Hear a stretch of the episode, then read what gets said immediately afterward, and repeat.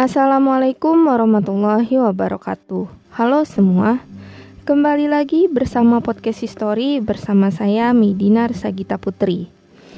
Kali ini podcast History akan membawakan segmen kisah keluarga pahlawan revolusi.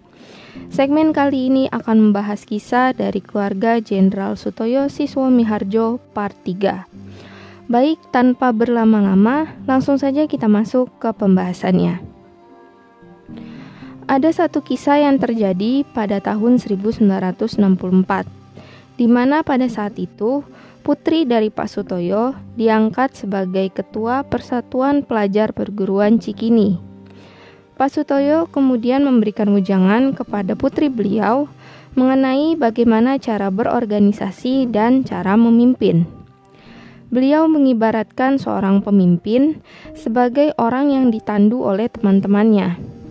Karena sebagai seorang yang ditandu, maka posisinya akan berada lebih tinggi dari teman-temannya dan ia memiliki wawasan yang jauh ke depan dan mampu menerjemahkan apa yang akan terjadi ke depannya. Kamu harus tahu seberapa kuat pangkuan tersebut. Itu berarti kamu harus melihat ke bawah. Kamu jangan hanya mengandalkan kepandaian, tapi lebih penting adalah mengembangkan karakter.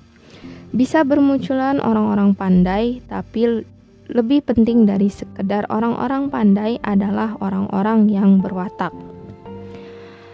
Adapun firasat yang terjadi menjelang kepergian Jenderal Sutoyo yakni terjadi pada 29 September 1965.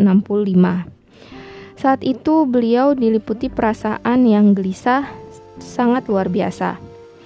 Menurut ajudan beliau yang bernama Pak Sutarno, Jenderal Sutoyo selalu merasa gerah, panas, dan tidak enak badan.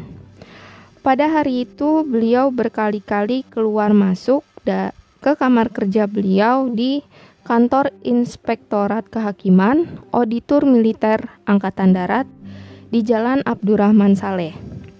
Tentu sebagai bawahan, Pak Sutarno merasa prihatin sekaligus heran menyaksikan pemandangan yang tak lazim tersebut.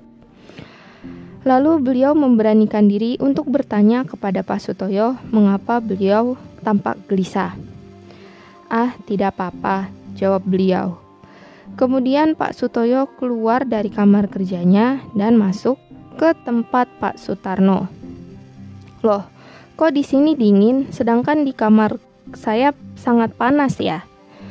Ucap beliau dan mendengar hal tersebut Pak Sutarno tentu merasa sangat heran. Singkat cerita, Pak Sutoyo kemudian menjadi korban dari peristiwa G30 SPKI dan beliau menutup usia pada usia 43 tahun.